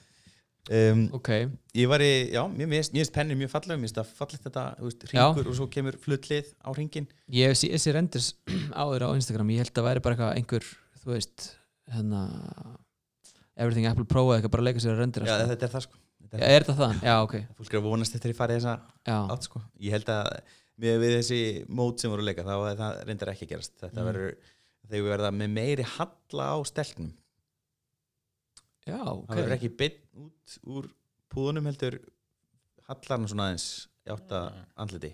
Ok, Ef þetta er eitthvað sem er legit Þetta getur náttúrulega bara einhver annar aðli sem er að framlega þetta sko já, Já. sem er, að það, það verðist vera eins og öll tækni fyrir verða að eiga truly wireless. Sáu þarna Huawei herntólunum daginn? Nei, þau voru það var mjög þetta var basically bara Airpods sko. Já, bara Hérna. complete knock-off. Já, Eru nú ekki trætt við það? en sko, nei nei, þeir eru það ekki. En þeir litilega meira út eins og sem sagt, bara fyrsta kynsluð af þar sem það voru svona stilkar og þetta var ekki svona hvernig lýsum maður þessu? Eh, sem sagt, þetta var eins og bara lörnið tvö unit og annað bara svona fest á sem sagt, hlustin hérna, fer svona á einhvern stilk. Þetta, þetta lukkaði meira þannig sko. Þetta var ekki alveg svona smooth hönnun á þessu. Um, og það var noise cancelling á því. Já þetta heitir Free Buds. Já, FreeBuds er mitt þetta uh, sko þetta lukkaði mjög vel. En eins og Mike Pence segir þá átti ekki að kaupa þetta. Nú. hann, Já. hann, hann var að við því að versla við Huawei Ég er bara, hvað kemur Mike Pence? er hann Vak- nú teknisjén í? Vaggan hérna sem þeir eru með Þetta er svipað eins og Apple er að fara í Svona liggjandi Já, ok. sem þau liggjast, leggjast niður þess að sofa. Já. Í líkistinni Já, líkistum sinni eins og vampýrur já, Þeir eru með svona in-ear svona silicon tap á þessum Hua- Huawei FreeBuds já var það þannig, ok. Já. sem fólk fílar einmitt ekki er, er Earpods og Airpods notendur vilja ekki fá silikon inn í eira Nei. flestir. Ég ég, sama. ég er alveg á því, ég vil ekki fá neitt silikon sko. mér, er- mér er að vera alveg sama mér, mér er sagt að rannsóknir sína fram á það að þetta sé ekki gott fyrir eirun að vera með silikonið. Já, ok. Að já, já. ok, já, ég er bara mjög, ég elska Airpods og ég vil bara sjá meira af Airpods og meira þróun þar sko, þannig að ég er bara I'm all for it sko. Já. Svo er einhver rúmur um Apple TV uh, ég var nú ekki búin að sökka mér það en það hefur mikið verið talað um uh, þessi TV stick sem myndi fara bara beint í hátími Úff, ég var að tala um þetta við Danna þannig að að ferðlega í sumar sko Akkur er ekki til þetta stikk sem getur tekið með þess að ferðalega og vera, að því vorum sko í svona hangiferð svona, vorum hérna e, í borg sem heitir Brno og vorum bara svona að heimsækja vini og veist, fara veitingastæði og bara svona hanga yfir daginn svona. Og svona á kvöldin þá var svona, ah, nú er nú næst að geta bara varpað þessu sem er að horfa hérna símanum bara yfir í sjónarbið það var þetta, sjónarbyrðin þetta orðin þannig að þau geta oftast tengst við YouTube eða, eða Mhm. Netflix eða hvernig það er bara satt, í tækinu sjálfu sko. Mhm. en enga sér, það verður næst að vera með svona stikk sko. Er þið búin að prófa nýja hérna, tvOS á Apple TV? Nei, Nei, ég get nú ekki sagt það. Nei, það, erst þú með Apple TV? Eh, Berglindi með. Já, já, já það er hérna er alltaf lúka mjög vel uh, ég nota ekki TV appi mikið það er ekki bara hörður sem nota það hann er alltaf að byrja í Berlín núna þannig að það vantilega er allt efni sem hann horfur á þýsku stöðun og það kemur inn í Apple TV TV appið Einmitt. En ég prófaði að para hérna, PlayStation 4 kontról við Apple TV um daginn Já, hvernig það? Djöfull er það næs Já, Sko, hvað leikið þetta að spila? uh, ekki neina Ég fór inn í Applegate og náði nokkra leiki svona mest einhver svona hopp og skopp. Það er náttúrulega helst sem maður notar kontrólir það sko. Mhm. það var einhver Rayman leikur þarna og Rayman leikirnir eru ókísla flottir. Þetta er raunin bara, þú veist mjög svona einfóldir hérna, 2D side-scrolling plattformleikir Mhm. uh, þessi var eiginlega meira svona eins og Mario Run þar að segja að hann hleypur alltaf. Og svo já, þarftu já, Mario Go. Heitir hann ekki það? hann ekki Mario Run? Ég held að sé Mario Run. Ok, kannski er ögla já, ég held hann heiti Mario Run hann á iOS Super Mario Run, já, á iOS. Og, sem er mjög skemmtileg leikubæði, Super Mario Run. En þessi, þetta var eitthvað svo úr taktið að vera með controller og gæinn hleypur sjálfur samt alltaf áfram. Já, um, þannig að ég, ég ok, ég prófaði nokkra hana, Apple Arcade leiki og hérna svo fattaði ég, ég var með Sonic bara fyrsta Sonic 1 Sonic the Hedgehog inn á Apple TV-ni sem ég náði bara fyrir lungu síðan sko. Og það alltaf virkaði með þessu líka þannig ég var basically bara að spila Sonic á Apple TV með PlayStation 4 fjastringu og það er geggjað. Þannig að hérna, ég vona bara að Apple Arcade gangi vel og það komi skemmtilega leikir inn á þetta. Og Já. þú veist, ég vil bara fá fullt af bara gömlum katalógum frá bara Nintendo og Sega þú veist. Já. bara einhverja Mario leiki og þú veist, bara sem fólk er að gera með emulatorum í dag sko, það ekki ekki bara porta sér yfir og bara let's go sko. Ég nú til að fá hana Nintendo Pro Controllerin hana inn, já, hann verður líklega aldrei supportar á Apple TV. okkur ekki? Býrst það bara hæpið, hann selst lítið held ég. Já, ok, já, þetta er náttúrulega bara tveir núna er það ekki, það er hérna PlayStation 4, DualShock og hérna Xbox fjastringi, hvað sem hún heitir. Svo er náttúrulega að koma einhverju tveiri ekki allan einn í viðbót einhver svona Pro Controller fyrir Xbox. Já, já alveg rétt. Já, já, já, og hefði Nunchucks. þið Axis að ég man ekki. Já, heitir hann það? Já, getur, það rámarið að þið geta alveg rámt á mm. já. En Ég- bara, Svo þú veist að náttúrulega er orðumur um að það sé að koma Apple TV Game Console, þú veist, veist, öflir úka sem er það bara Apple TV 4K2 eða eitthvað Já, sem þú geta kert hvað er samt roadmapi fyrir þetta? Ef að Apple Kate er framtíðin þú veist, er þá ákveðin leikir þar inni sem er for Apple TV 4K2 only eitthvað Ég veit það ekki sem er þá er næsta skrítið, sko. En, alltaf, en þú veist, það er kannski þá bara veist, að það kom út leikir sem eru flottir sem er hægt að skala niður í 720p við erum aldrei að fara að sjá einhverja triple leiki á þessu sko. Nei, nei, já, þú veist, ekki, aldrei sé aldrei. Já, aldrei, ok, já, það getur allt gerst. Það er ólíklegt. Já, ég meina Microsoft kefti sér þann markað skilur ég bara byggu til AAA Studios. Þannig að það geta allir gert það bara með já, að henda hauga selum í það sko. Já, og Apple á hauga selum en er markaðarna Mhm. Microsoft svona búið að vera alltaf svolítið svona að eiga að hætti þessu. Já, Þú veist, eiga að spinna þetta út úr Microsoft og stopna félag krigmynda og láta, láta það lifa þú veist. Svo ha- hefur einhvern veginn einhvern veginn einhvern, pólitíkin orðið þannig að þeir halda Xboxun inni sko og halda áfram að dæla í þetta. Mhm. nú er ekki líka svo- síðan Playstation að rústa Xbox S-dana í fjöldatækja og sölu og öllu. Planu í fjögur.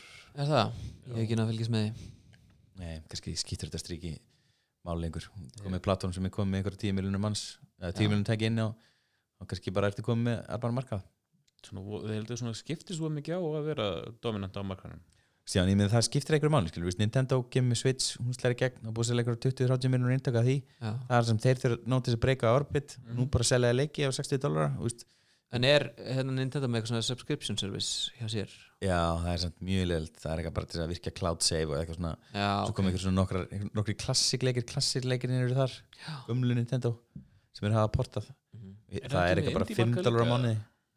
Endur eins og þeir hafi verið með einhvern indie markað líka í um tíma allan er, það er náttúrulega bara indie leikir á í Switch online sko. Já, það er bara búðu niður sko já, já. við veslunni já, sem er, virkar Sem er já. en hérna Playstation þjónustan sem ég man ekki hvað heitir akkur núna Playstation Plus jú. Já. ná er hérna streymið þjónustan sem ég þarf eiginlega að fara ná, plus, go Þetta er alltaf Run. run, einmitt nei, hérna sett, PS Plus sem er áskölda þjónustan Já. sem að eina ástæð fyrir kiftið var að þú til að geta að spila multiplayer þá verður það með PlayStation Plus já, ég held að sé, er ekki, ég held að sé svipurregli fyrir einhverju leiki í Nintendo Switch online en hvað sem þetta er Já, ok. Xbox sem er nákvæmlega sama. Já, þeir húkaði þannig inn á þessu. Já. en svo er þetta drullur næs að hérna fá leikina. Já, þú veist, og þetta er ekkert léli leikir. Ég meina það er hérna Last of Us remastered er að koma núna bara í og hann dag. kemur þetta? Ha- hann kemur í PS Plus, bara frýr. Eða frýr, þú er búin að borga fyrir árs hennar áskrift. Mm -hmm. það búið að vera hérna Wipeout Omega Collection uh, og það var einhver geggjar leikur í sísta mánu sem ég man ekki Þeir eru alveg búin að vera geggjaður í ár. Ég er Já. bara hægt að borga í júli og bara horfa á þessi leiki fara fram í mér. Það djúli þarf að fara að endur nýja þetta. Svo Já, ja, gerði þið mistök að kaupa töluna í bandaríkjunum. Þá kántum við ná í bandaríkjunum og ég svona, ei, vesen, en ekki standið í, þú veist, þetta er ekkert vesen, ég bara ennið ekki. Já, get, já, þess að PlayStation Plus akkantinn veist, í hér, hér, Bandaríkjunum. hér nú, veist, fyrir Evrópu þá get ég bara að fara til Elko, hæ, ég ætla að fá þetta gamekort, þetta 100 dólar og, Mhm. og komið online, er úti þá þarf ég að fara eitthvað online, finna eitthvað gamekart. Það getur ekki farið bara á Amazon og kipta það Jú, ég segi, þú veist, þetta er- er ekkert mál, bara smá vesen. Já, ég er líka með eitthvað breskan account eitthvað og ég er alltaf bara á Amazon og kaupi Já, það er bara minnsta mál, þú getur, ég held að þú getur tengt bara kreditkortið við akkantiðin og það er ekkert vesen. Já, Mér já, ég nei, tengt ég gæti einmitt ekki, ekki íslenskort sko. Já, Herri, allavega, hérna, svo förum hérna aðeins, hérna, off track. Um, það var hérna fréttin daginn að Google Stadia sem að kemur ekki til Íslands. Nei, fréttin var ekkert um það, hún var um það að PlayStation Now sem við vorum að fara að tala um Já. er þess að komið núna nýri 9.99 úr 24.99 Já. eitthvað áleika út af Stadia sko. Ég mitt Þannig að, og Axel var að segja inn á okkar spjallið þannig að þetta væri alltaf bara einhverju gamli leikir eitthvað, en þú veist, það er bara næs, skilur, þetta er PlayStation 2, 3 og einhverju fjögur leikir heldur líka, sko, klassik leikir, leikir sem þú kannski náður ekki að spila. emitt ég held að bara það sé mjög næs, sko Já, Já. já. ég týndi ekki að borga 60 dólar að, Eh, en kemur þetta hingað? þetta er hérna, eða ekki? Já, eða ekki, ég held það Þetta sé hérna. það er mjög cool Ég meina, ég var að segja upp Dropbox, en kannski bara taka þetta í það ekki? hvað erum við með meira á þessum Apple-viðbyrði við erum með MacBook Pro 16 tómu, er það að segja það? Þessi að fara að koma? ég vona þetta sé Ef það- ítöla minni í ef- leiklabúri Ef það gerist, allir eh, þá þarf ég að eiga spjall við vinnuveitnum minn. Já. Hérna, ég ég, held að þetta sé ef þetta er prótölva þá er þetta sko entry level verður á 500 skall ég get lofa þær í. 5 skall dollara? Já. Þeir verða samt ok, sorry, þeir verða bara að bjóða tölvu á 250.000 sem að er með liklabori sem er að nota fjandinn hafið það sko. Ég, veist, ég held að þessi tölu muni leiða þann þróna þetta verður fyrsta tölan, hún verður dýr. Já. hún, hún verður hérna, henni þessum nýja pro-teimi hana, pro-prototeimi Já, ok, þetta er sér að eins og þú veist, MacBook inn á sín tíma, tíma sem var ógeðsla dýr og svo MacBook þegar hún var relaunsi sem svona lítil og sætt og var ógeðsla dýr. Nei, ég held að þetta verði MacBook Pro 15 tómi tölva. Já, þau eru dýrar heldur en núverandi MacBook Pro 15 tómi tölvan já, með betra leiklabori, betri skjá og sama fútbrindi í alvörni, þau eru fávitar ef að þau bjóða upp á nýja tölvu sem kostar ógeðsla mikið og er með liklabori sem virkar. Glimti þessu. Svo kemur, kemur þetta á, að, að, að, til annara þetta hægt og rólega mun þetta trikla inn í alla vörulínu Já, nei, nei, nei. Bara koma þetta strax, takk fyrir, þið skitu á okkur þið skulle bara laga þetta Já, þeir eru náttúrulega með þetta warranty program og þú missir að neyþra þetta og fært nýtt leiklabor þrjáta miklu lengra? 30 ára í mér. Va, Var það? Já. Ok, allan að R-takkinu farin að klikka aftur á mér og I líka, þannig að ég þarf bara að fara með hana líklega. Djúvill er þetta pyrrandi maður.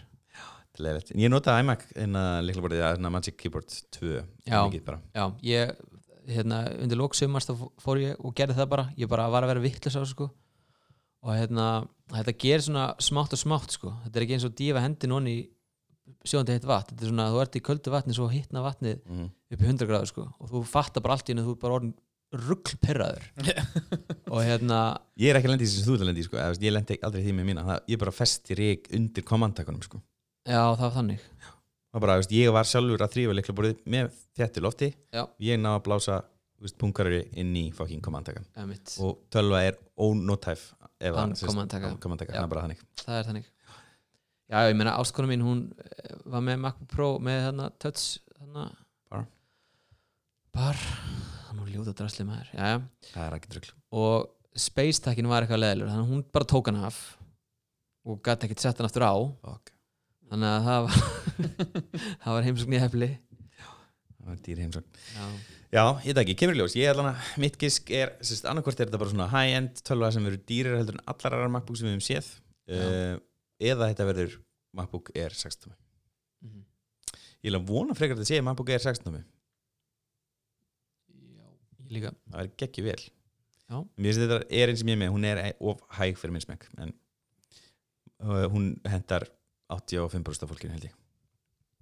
Svo er verið að tala um að iMac Pro og Mac Pro að iMac Pro verið uppfæður og Mac Pro komi út í sölu alveg Mhm, Já, og eitthvað meira um Pro Display XDR við það fáum verður. að vita hvað uh, hjólinn kosta. Kannski lækka standurinn líka. He he. Já, 999 dólar standurinn Já. Það ekki, Jesus, hvað þetta er dýrt it's half price now. We listened and now it's half price. Já, samt fárlega dýrt. Svo munur örgulega pússa út uh, innleggja áherslu á hann að Marcos Catalina. Hann fekk ekki mikil ást á iPhone herri, viðbjörnum má ég ranta eins núna hérna? Mm. Ok. Uh, Nú uppfærið upp í iOS hérna 13,0 ég, get- ég fór beint í þetta. Mhm. Nýtt Reminders app sem var búið að kynna. Uh, frábært en núna er Reminders ónótæft á tölvunni af því að það synkar ekki saman lengur. Af því núna er ég með eldri útgáfi á tölvunni Já, eldri en á símanum. Þetta er glata ég nota á hverjum einasta helvitist degi afsaki orðbræði uh, hérna Fjölskyldu þáttur Já. Um, Ok, þannig að hérna núna er Katalína kom út og eins og margir hérna, þá nota ég tónlistarsoftver á tölunum minni. Mm og það softver er búið að segja bara við mig núna ekki uppfara í, í Katalína, það kemur bara splaskrinni hvert einasta skil sem ég opna fórtið -hmm. um, Ég var að við í vinnunni að vera ekki að uppfara út því að þetta sett, 32 beta stuðningur er að fara út alveg, bara hard out Já, en það er sem allt í lægi á tölvu sem ég er með, ég er náttúrulega með MacBook Pro Escape, en Mhm. fyrir þá sem eru á veist, gömlum iMacs og jafnvel gamla cheesegreitinum þá er það bara ekki gott sko Mhm. þannig að Reminders er bara í fokki hjá mér. Já, það er glata og hvað hva, hva ertu að gera til þess að lista? Ertu bara notar í með þessum símanum og sko, ég, ég nota Reminders á símanum bara svona eh, þú veist, eða ekki um úrið oft svona remind me to do this, this and that eitthvað svona. Svona taka þvóttvælinni og, og hérna eitthvað svona. Um, en með svona vinnutengt skilaði þessar heilsiðu á föstudaginn. Þú veist, þá er ég bara með það í tölvunni og þú veist, ég fæ bara ekki notification þá á síman á meðan veist, ég eitthvað sem hefur við örgulega 6-7 tíma á dag sko, í vinnu. Þannig að, þú veist það verður bara að vera þannig þangur til sko. Þetta er pyrrandi þetta syngi ekki á milli. Já, glata. Þeir þurftu eiginlega bara að þú veist, bara, bara uppfærin mændis í hérna, hvað er það, hæsýra já, bara kom með þú veist, 10, og hafi já, við erum við vistum á hafi já, 10,14,2, hvað er bara með það. Og með uppfæriður reminders og hætti þessu. Samanlá Sendiði minn hana já, skam. Sendiði radar eða eitthvað? Radar? Eitthvað svona bug reporting tool já, ok, Nörda. Ég vissi ekki hvað það er. Það er já, iOS 13.2 það er bara eitthvað það er ekkert spennandi. Nei, bara bug fixes röglega Nei, það er einmitt sko það er einmitt í gangi núna. Hvað eru komin í? 13,1,2 eða 3 Já, maður ekki. Það ekki? Þetta er bara, þú veist það er bara náttúrulega upp á dag bara hvern einasta dag að við sem að fá hérna nýtt software. Í uppsendingarferðinu á iPhone 11, 11 minni þá kom hana bara eitthvað please update og ég updata áðunir í stóraði já ok, það er svo mikið að bögum í gangi sko. og verður að updata hana áður. 13.1.2 það er staðan hjá okkur núna. Og hvenær komið þetta aftur út, var ekki bara í sí... þar sístu viku? 13.2 nei, bara 13.0 hvenær... já, 13.2 kom bara í gæra eitthvað sko. já, er þeir ekki upp frá núna viku fresti bara að laga alltaf þessu bömba uh, ég, já, ég kannski tala aðeins um aðeins 13 eh, eitthvað jákvæmt kannski? Já, viltu byrja? ég er mjög ánægð með Dark Mode uh, ég fýla Dark Mode og Let's Skjám. Já. mjög þægilegt. Uh, hvernig fæ ég dark mode aftur inn á hérna slakki okkar? Uh, það er í, inn í bara það er mót í Slack það er bara þessi stilling þar. Já, ég finna hann ekki sko. En ok, ég hlýt að finna það endanum.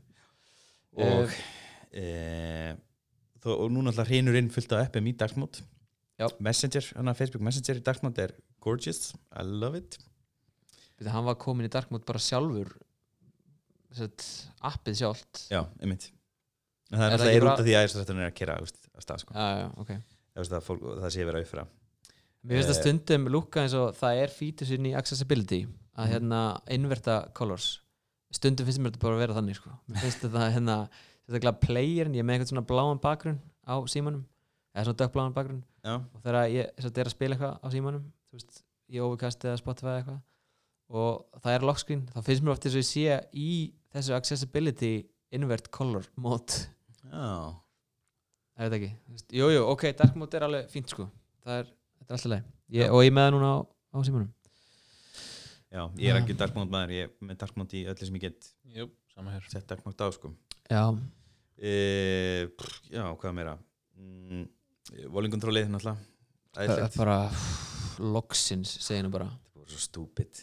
Það var eitt sem ég tók eftir hérna, ég held að þetta er nýtt. Hérna, í að notes er ég með svona hérna, gym svona notes sem ég hérna skrifa neður þingdir og, og reps og eitthvað svona. Mm -hmm. og svona til að traka og hérna uh, bara ef einhver hlustandi veit um eitthvað app sem gera það frýtt þá bara má hann benda bara það. En hérna ég fór einmitt í árbæðaþrygg í gær held ég út af því ég er í keppni við hérna, félag minn sem á Apple Watch sem heitir, Allir Stefán. Sem er eðlika lífið þú ert ekki lífið mitt sko í Herri, allavega uh, og þá poppaði upp hérna já, ert þú ekki í rektinni, viltu ekki kíkja hérna inn í notes, inn í hérna gym eh, notes hjá þér? Ég bara, jú, jú, jú. Hm, Cool, ég hef ekki séð það Nei. ég held það sé nýtt. Það er svolítið cool. Já, I like it. Já. E, ég er samt svo fljótur að gleyma hvað er nýtt í iOS 13 það er bara, það er volume kontrollið og það er dark mode. Mm That's it. Nei, nýtt reminders uh, Nýtt notes. Já, uh, Ég er náttúrulega búin að vera að nota þetta á iPadinu svo lengi Þannig ég er svolítið samtina það er náttúrulega líka fullt af fíti sem, sem að hljóta að tengjast iPhone 11 og 11 Pro. Eh, Kamerappið er náttúrulega mjög mikið fært Emmitt, Photosappið er mjög mikið fært já, Ég er ennþá að vennast Photos, minnst það svolítið cool. Já, einmitt. Þannig að þetta er svona hvernig myndina raðast upp svona í collage það er aðeins öðru Já Og svona mi- miklu meira lifandi líka Reyfing í alveg Ef, að vídeo þá reyfist það já, og vantar líka á live photos eða ekki? Mm, Man það jú, ekki. það, ég, ég, ég, ég tekið held ég live photo. Ég er bara nýbrún frá síman þannig að það er sér slögt á live photo. Uh, já. Ég það nú ekki mikið meira sem ég mann eftir sko en allan að ég ég er sáttur en ég hef mikið talað um þetta hafi verið mest böggaðasta iOS í langan tíma. Og síminn hafi verið næst í ónótaður hérna hjá prógrunum Grúber og Nilei Patel voru að tala um það í sérstökum þætti fyrir hérna, Wordscast. Já, djöðlega það góður þáttum Já, góð þættir, þeir eru ágætlega saman sko. já, Það hefði ekki haldið að þeir myndi ná saman. Nei, alls ekki. Það er svo ólíkir einhvern veginn en, Já. er gott að grúpur að fara út fyrir sinn þátti, hann, Já. hann, er, hann er svolítið hann er svolítið kræfur. Já, hann er svolítið mikill pöndit sko. ég veit En ok, nú, nú um þetta hérna uh, það er reyndar- svo mikið að fréttum hérna. E- eitt hérna sem að ég elska við nýja iOS það er hérna að edita fótos í hérna og vídeos í hérna iOS 13 að því núna ef þú tekur svona screenshot eða svona screen recording uh, á símaðin það var þannig áður það kom alltaf svona svört bars sikur megin. Að því að þú ert að taka upp væntala af vídeo sem er fullscreen til dæmis YouTube í 16.9 en símin er alls ekki 16.9 nú getur kroppað það nýri 16.9 að þess að vera með eitthvað third party app Ah, geggjað. sem ég nota mjög mikið. Meðal hans í gær, þetta tók hérna Microsoft Surface hérna, bara klippu úr bara frá hérna Microsoft sem var að kynna uh, Microsoft Surface 9 uh, tók sér bara screen recording af því hendið inn í eitthvað giffi eða þess að kroppaði niður 16.9 í hérna uh, Photoshopinu Mhm. og svo hendið svo inn. Þannig að það er mjög þægilegt af því ég nota mjög mikið. Já, mjög snitt Eru, Xiaomi Mix Alpha. Já, þessi sími lukkar ógeðslega spennandi. Sem er 180% screen ratio eða eitthvað. Já, þessi, já, þeir eru búin að búið til eitthvað nýja tölu. Það er þessi sími frá Xiaomi sem er concept sími notabene. Þetta er svolítið hérna, ég, ég, mér fannst þetta ég lýsi svo ágætlega því ég líktu þessu við í rauninni þessar hérna, þessar bíla, concept bílana sem eru á bílasýningunum í já, einmitt. Sviss eða eitthvað. Já, svona bílar sem koma aldrei á marka og ef þau koma á marka en það verður svo langt frá því sem konceptið var að það er ekki fyndið sko, eða, akkurat. bara allt annan, allt annan, allt annan bíl sko. en þannig erum við líklega með svona fyrsta skipti það sem, já svona, já kannski ekki fyrsta skipti eh, en núna er svona byrja, byrja að byrja á því að fólk sé að byrja að kynna einhverju vöru sem eru næstuð í svona, Mhm. þetta er svona koncept, við ætlum að fara þangað og það kannski tekur svona tíma að komast þangað og þetta er símið sem er já, með skjá allan hringin uh, það er ein rönd þarna aftan á sem er ekki skjár. Já, sem er fyrir myndalina ekki? Já, og svo líklega toppur eða, sérst, hver, hver, hvervillin já, og, og. Iljarnar Já. eru ekki með skjá Grilla iljar, mjög gott Mér finnst það Já. geggja flott koncept sko og hérna Þetta lúkar alveg geða töf Já, þetta lúkar geggja vel og þú veist, þetta er líka leika sér með þetta henni settir í hlæðslu og svona kemur svona water effect eða svona Já, bubble effect, svona bublar svona upp kringum allan skjáin, þetta er ógeðslega ja, í grænu þess að geta Já, þetta ógeðslega cool. Já, ég var til að sjá hann skjá koma á markað en ég giska að hann komi eitthvað aðeins öðru í markað og, og eftir einhvern smá tíma. Já, bara að fylgjast með Já. þessu Svo hérna endaði íslenskur iPhone uh, í fréttum. Uh, hann sem sagt fjall úr flugvél Mhm. og eigandinn fann hann og hann virkar. Allt nema held ég hlustið. Árið setna Var þetta ekki iPhone 6S? Jú, iPhone 6s og hérna þetta komst í myndi í ykkur erlenda filmina líka, mjög skemmtilegt að, að sjá að hann lífið svona vel úti á Íslandi, Já, þólir hann að heilan vetur. Greið, Já, nú fyrir fólk að líka iPhone við þarna Nokia síma já. Einmitt. Og nýju síminn núna 11 á að vera með úr nýju gleri sem á að vera enn högaldra og ég horfði á eitthvað hérna, drop test og það þurfti að fara upp einhverja 2-3 metra þannig til hann brotnaði, Það er svoleiðis. Já, heldur gott sko. Og e, e, bara aukurskiptinni e, Noregur já, eru komið með aukurskiptin síman Já. bara, þetta er, þetta er eitthvað sem mér langar svo mikið að fá. Já, eitthvað sem að lauruglun ætti að að- vonandi að vera að vinna í. Já. Algjörlega, ég vona að við sjáum þetta bara koma sem fyrst til Íslands og, og bara ánæði með Noreg, þú veist, svona að gera þetta. Og ég var líka til í að sjá vegabref í bæði, bæði það að hafa þú bara aukurskirtinu og þessir upplýsingar í símanuðinum líka þetta séð þú veist, valið. Og getur bara komið og sínt þetta og bara, já, ekkert mál. Ekkert verið eitthvað, að, ég er að fara í ríkið, ég glemdi veskinu. Ég, veist, ég er með ég, veist, ég er með peningana en Mhm, eru þeir að fara að vera með eitthvað vesen? Mhm. Sér samt sko uh, Með Þetta vegabrjöð kostar, Já, en sko lúka og kostar líka veist, plast, á plastinu sko. Já, þetta er líka miklu dýra sko. Vegabrjöð er samt stimpluð sko Þannig að það er eitthvað uh, finna út hvernig það er gert rafrænt sko. Ég meina það eru ja, þú veist, þú getur náttúrulega bara fengið pappirsúkuna þegar þú ferði land sem þarf að stimpla. Það er ekkit já. það er bara mjög, mjög, mjög fálend Já, ég er bara einu stimplan sem ég er með er einhver Afrikulönd og eitthvað svona. Var það ekki- bandarík líka? Mm, man ekki Mér minnir að mitt að vera stimplað bandarískin er náttúrulega mjög aftalega meirinni með svona. Já, þeir eru ekki ennþá í, ennþá í chip and pin bara. Nei, þeir voru ennþá í hérna svæpa, já, á meðan við erum í chip and pin. Já. En svo fóru bara beint í Apple Pay. Já. það er samt allt í fokki með það sko. Eða það? já, já. þú ert enda að borga með ávísun allan að segja sig bara. Check Ég- preferred. ég þurfti að fá hérna, ávísunarhefti fyrst skipta aðeins minni þegar ég bjóð í bandarækjunum oh my ég borga leigun á íbúinu minni. Ræðilegt Í Já. Uh, hérna uh, ég var að ljúka hérna á þessu randi hans andra ég held að andra að setja inn Já, betur hvað var það?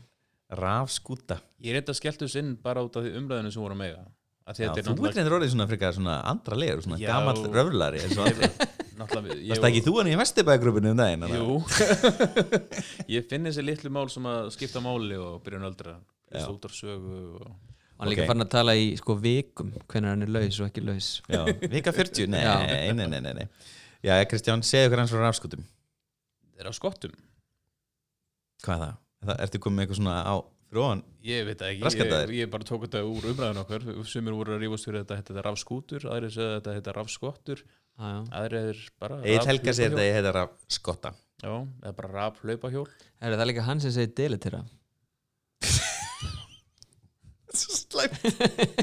Ég er farin að nota það grimt Ég Delitera og imponera Ég er ekki mjög imponerað með delitera Nei, bara fyrst að hopp er komið og maður sér þessi hlaupahjól út um allan bæ. Allir að nota Helviti skrekkinni minn leifbjólin Nákvæmlega, á gödunum, hérna er ég að reyna að keira um og svo, Á Núna- Porsche jefnaneinum Ég er hérna mættur í dag sem hérna vinnur engabilsins Og- Þú og hann, hann er í alveg Porsche dísiljepa. Dísiljepa sem ég kerði frá þarna, hvað þetta, 100 metrar eða hvað? Satt í umferðin þarna niður. Löngur líf Það er verið að lappa hérna í skóleina sem við erum að taka upp. Já. Hann býr sérst hérna hinum yfir Klambrotún Já, og hann, þá kerði hann á dísiljepanum sínum sem hann eðir 25 lítrum á 100 Satt í er- umfyrir 25 minútur Já, þetta er og við höfum talað um eins og hérna ægir var á sinni tíma bíllinn hans var úlpan hans. Eru ægir er búin að hjóla fimm sinnum í vinnunum sína á rafjólinu í september? Rafhjólinu? Mm Já, í rafjólinu mínu reyndar. Já. Þannig að vinnur engabilsins, hann er bara vinnur engahjólsins. Já, ég hérna elska bíla og e, Bílar elska þig. bílar elska mig og sérstaklega bílinn minn. En ég er mjög hrifin af þessu hopp koncepti hérna, Já, mér finnst þetta bara svolítið dýrt. Ég er búin að prófa það 100 krónur 100 minútur að aflæsa og svo 30 kall mínútur eftir það. Og ég hjó- hjólaði frá Jónsson Max út á Granda já, bara 490 kall fyrir það. Já, það er svolítið mikið. Og aðra leið sko. Og svo var einhver búin að einhver byrjar að bóka hjólum minn þegar ég lapp út. Og ég bara fuck. Býtur hægt að bóka hjólinn hjá öðrum? Þessist ef þú skilur eftir og ert að fara inn í Elko að veistlega er heyrnantól í hálftíma sem ég gerði þá ætla ég ekki að borga 30 krónur per mínútu menn ég er innan inni. Þannig að þú lokkar út á hjólinu, skilur eftir. Svo er það bara fair game fyrir alla aðra skilur já, og mér finnst þetta ekki og þetta er bara 70 hjól notabene. já, en þau eru náttúrulega bara niður í miðbæ.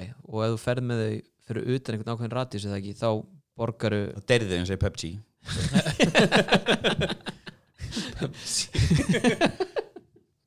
Ekki Fortnite eða eitthvað er þetta það er bara PUBG bara einhverju ballar á Ég skal bara átt okkur á því strákar að það er engin Fortnite spilar að hlusta okkur. Við þeir eru allir PUBG út af aldurspilinu já, já, já, einmitt en já, þú borgar eitthvað auka það ekki ef að þú leggur fyrir utan Ég þú fær eitthvað bara brjála penalty sko, heldur ég bara eitthvað 5 skall eitthvað, þú veist, Já, ekki? Stendur hana ef þú skilur það eftir þar, eða ekki? Jú, já, þú mátt, máttu fara út fyrir þess að þú kom aftur inn í það. Já, þú, þú það mátt alveg gera hlýtur að vera þú bara, það teikar inn bara með hann skilur við, Ég ætlaði sérst að fara að prófa hana uh, um daginn og þá sérst að ætlaði ég að hjóla hingað. Já, og það er þetta, sérst, þetta stoppa við Klambratún eða þú veist, við Miklabröð já, við setjum skóalið núna já, þetta stoppar þar. Já. stoppa Já. bara við miklubröð Þetta er rauninni svolítið lengt þetta er rauninni að vestu til austurs þá er ágætis lengt, þú kemst út á Granda og þú kemst eitthvað upp í upp í Holtin, ok, minnum mig. Þetta er endar í kringum HÍ og svo er þetta bara miðbærin og gamli vesturbærin Já. ok. Þetta stoppar hjá er það, kringlumýrabröð og miklubröð þetta er öll Holtin mm -hmm. og hérna það er svona smá svona skeki hérna sem er svona Nova. út fyrir já það er að lá, nóa í lámúla já, það er úrslega gott. Ok. Uh, já, mér finnst það cool. Og ég stið þetta. Uh, en mér finnst þetta dýrt. Já. Uh, er það ekki bara spurningum að fá sér bara Xiaomi? M365 ég er mjög spennt fyrir þessu sko en ég ætla ekki að kaupa það núna. Ég ætla að kaupa, ég kaupi örgulega hlaupihjól rafskottu rafskottu, einmitt. Ég kaupi rafskottu þannig að í svona mars, april já, næsta ári. Ég var ekkert hissi ég myndi gera það líka. Mér finnst það snilt sko hérna og veist, þetta getur verið mitt svona lokaleggurinn á fer, þessi ferðum og ferði eitthvað annað en engabílinn já, þetta, hvað er það aftur kallað? Last mile vehicle já, já, eitthvað já. Já. og hérna þá bara sérst, setur þetta bakið og tekur þetta út út komin á einhverja stoppstöð og svo kannski einhver smá lengt í, í vinnuna eða skólan og þá notar þetta til þess að komast leðana það er margir í háver sem þyrftu að kynna sér svona rafleipihjól já, nákvæmlega. En það er vist einhver pró-útgáfa vantilega það ekki? Ég held það, af sjámihjólinu, já, hún er komin sko. Til landsins? Uh, Held ekki. var það ekki? var það ekki Ah. hjóli sem við prófum með Daniel, geta hann ekki próf? já, mögulega, jú. Og saka greið það var svaka græða, Já, ég held að þessi prógræðan sko. Já, ok, minna það já. hún var nýlend þegar hann kom inn þáttinn. Já, ok. Hinn er uppselt sko hjá Xiaomi hann að mi.is en ég sá að það voru til Xiaomi í ekki Pro í Elko þannig að ég kefti hernaþólinn mín. No, ok Við erum já. okkur að pröfa þetta hjá hann þetta var svaka hraða þessu og það er eiginlega kefur um á þessu þetta var alveg- kemst upp í 25 eins og rafhjálin já, en bara með þessi, var svo dekkin úr svo geggjuð á þessu og já. Það er spurning samt með hérna uh, Boosted, hvort að það fara að koma til landsins. Hvað er það? Boosted er sagt svona eiginlega market leaderinn í hérna raf uh, hjólabrettum eða svona longboardum. Já, já, já, Gulli er búin að tala mikið um það. Já, og hérna ég var mikið að spáði þegar ég bjó út í London hvort ég ætti að kaupa mér sluðis að ég var ofta hjólabretti bara svona ekki fyrir commute sko. Mm -hmm. um, að ég var að fara það langar velendir en hérna þú veist ef ég fór til búið eitthvað þá var það mjög næs.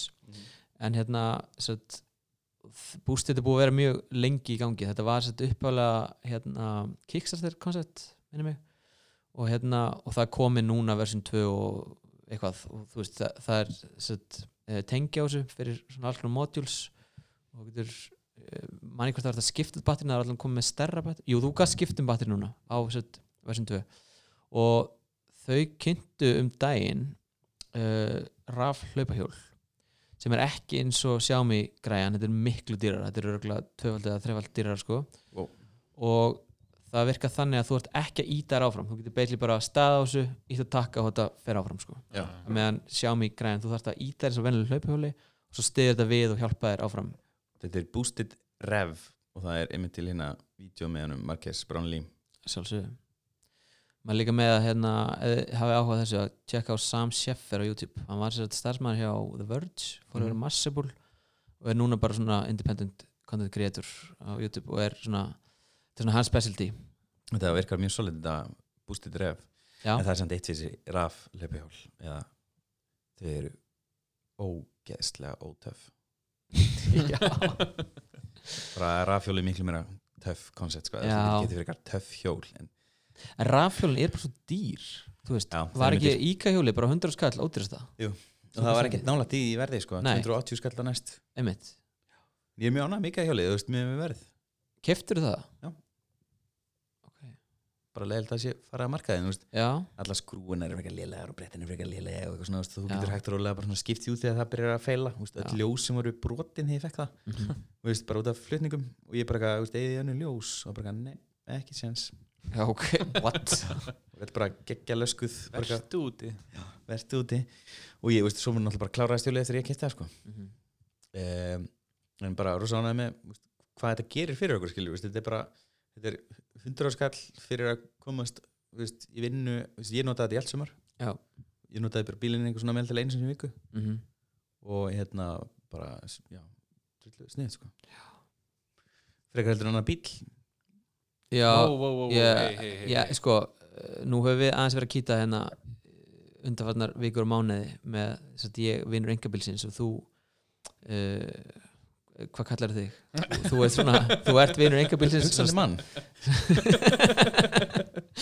eh, ekki fáviti sem orðaði þannig já uh, Ég allir ætla strax að fara í inn í miðflokkin Keipa. gildislaðina umræði hérna um þetta en hérna sagt, uh, þú opnar aðeins auðminn fyrir því að bíll er ekki úlpa. Mhm. nú er ég svona íhuga að kaupa mér alvör úlpu fyrir veturinn og ég held að svona á svipum tíma, kannski í mars-april að kannski fara einhver rafskotu rafskottu, já, veit það ekki. Er raflaupa hjól?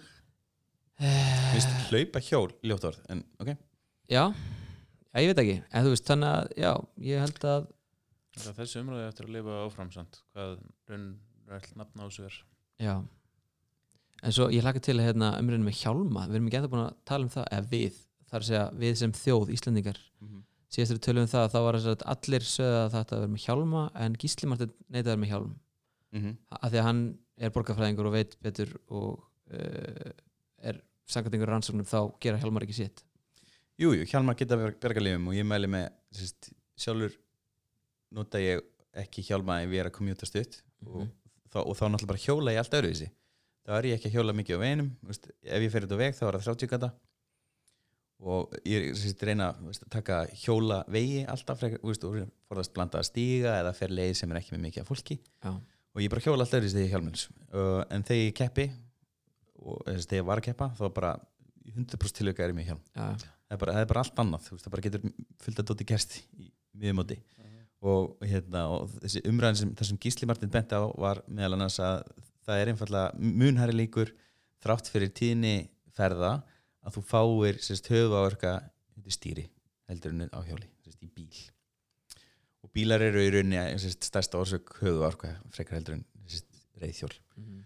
og ef að sem sagt, e, og það búið að rannsaka það í rauninni að þetta, þetta gerir sem með við tíðinni ferða þá gerir þetta voða lítið og þau lönd sem eru lengst komin í því að hjóla til að fara að vinna á skóla e, þau eru ekki með hjálmarskildi Nei, ok. Og það er sérst Danmörk og Holland. Og það er rauninni mjög fá rauk fyrir því það er rauninni, ef við ætlum að fara í þessa umræði þá eru miklu frekar rauk fyrir því að fólk sem er undir stýri í, í bíl ef er með hjálm.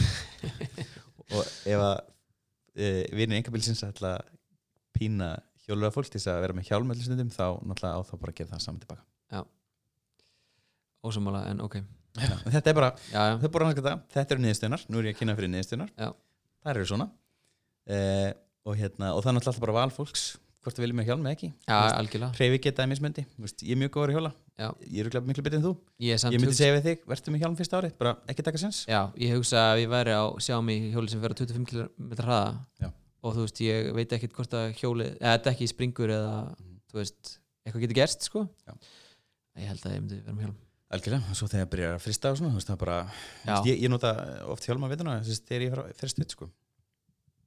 já, þú hjólar, ég ekki, sko. hjólar allan Arsinsring nei, ekki, ekki lengur Nei. ég gerði það í þrjú ár og ég, ég fer alveg eitthvað að hjóla vituna, ég mun setja íkæða hjóli á nag- nagldekk og þegar að, þú veist, við erum að reyna að samnýta eitt bíl mm -hmm. til þess að komast til frá vinnu og allt nema vinnu reynum við að labba að hjóla Já. og það er að ganga upp frekar vel Þú veist, bílinn okkar er ekki hreyfður á um helgar sko já, ok Þú veist, ekki nefnir sem bara upp í bústað Já. sem er mjög sjálfgætt Já. þannig að við, við erum bara notan til þess að komast hana í vinnurækt Já. og við erum ofta á döðum sem annar okkur fyrir hjólinu og hinn ekki það er með það, ég hugsa að ég hætti að keppa svona ofti þegar í hérna, Apple Watch competition þá get ég kannski farið einhvern annan ferðamóti heldur en bíl þá náttúrulega getur þú ræðað einn stigum á mótum mér sko. Einmitt, Mhm. nákvæmlega Já, kannski ekki ef ég er á raf skottu eða skútu eða hvað við ætlum að kalla það Já, það er náttúrulega ekki þessi, það er náttúrulega er ekki assisted pedaling þar eins og er á hjólinu hjólinu sem ég er með íkæða hjólinu þá verður að hjóla með til þess að koma í kraftur. Já. og það er ótrúlega góð reyng Já.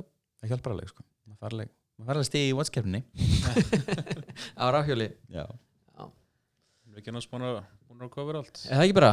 Jú, takk fyrir hann þátt. Gullalesa þátt nummer þrjú held ég á þessu ári Allir bestu þættinu gullalesir. Það eru bæði vegi, ég mæli með síðasta þætti hérna örgis þættinum Já, hann var ógslag skemmtlegur takk fyrir það. Hérna þegar ég sá hérna, á örgis þættir ok, þetta var bara ótrúlega áhugavert og sérstaklega þegar að tala um sko hérna peningaþvott og bara svona hvernig er allt svona gert og maður bara, ha, ok, ég minnar Já, ég hérna vil taka eftir Tetta og Kristjana sem kom frá Sindis og Advanja, þeir voru mjög skemmtlegi saman og hérna. Þetta komst á hana góður hópur. Samla, En já, takk fyrir að hlusta í þessa vikuna. Eh, Gulli verður við með okkur í næsta þætti. Vonandi. Vonandi, hann var eitthvað upptekinn. Og já, takk fyrir okkur. Takk fyrir okkur.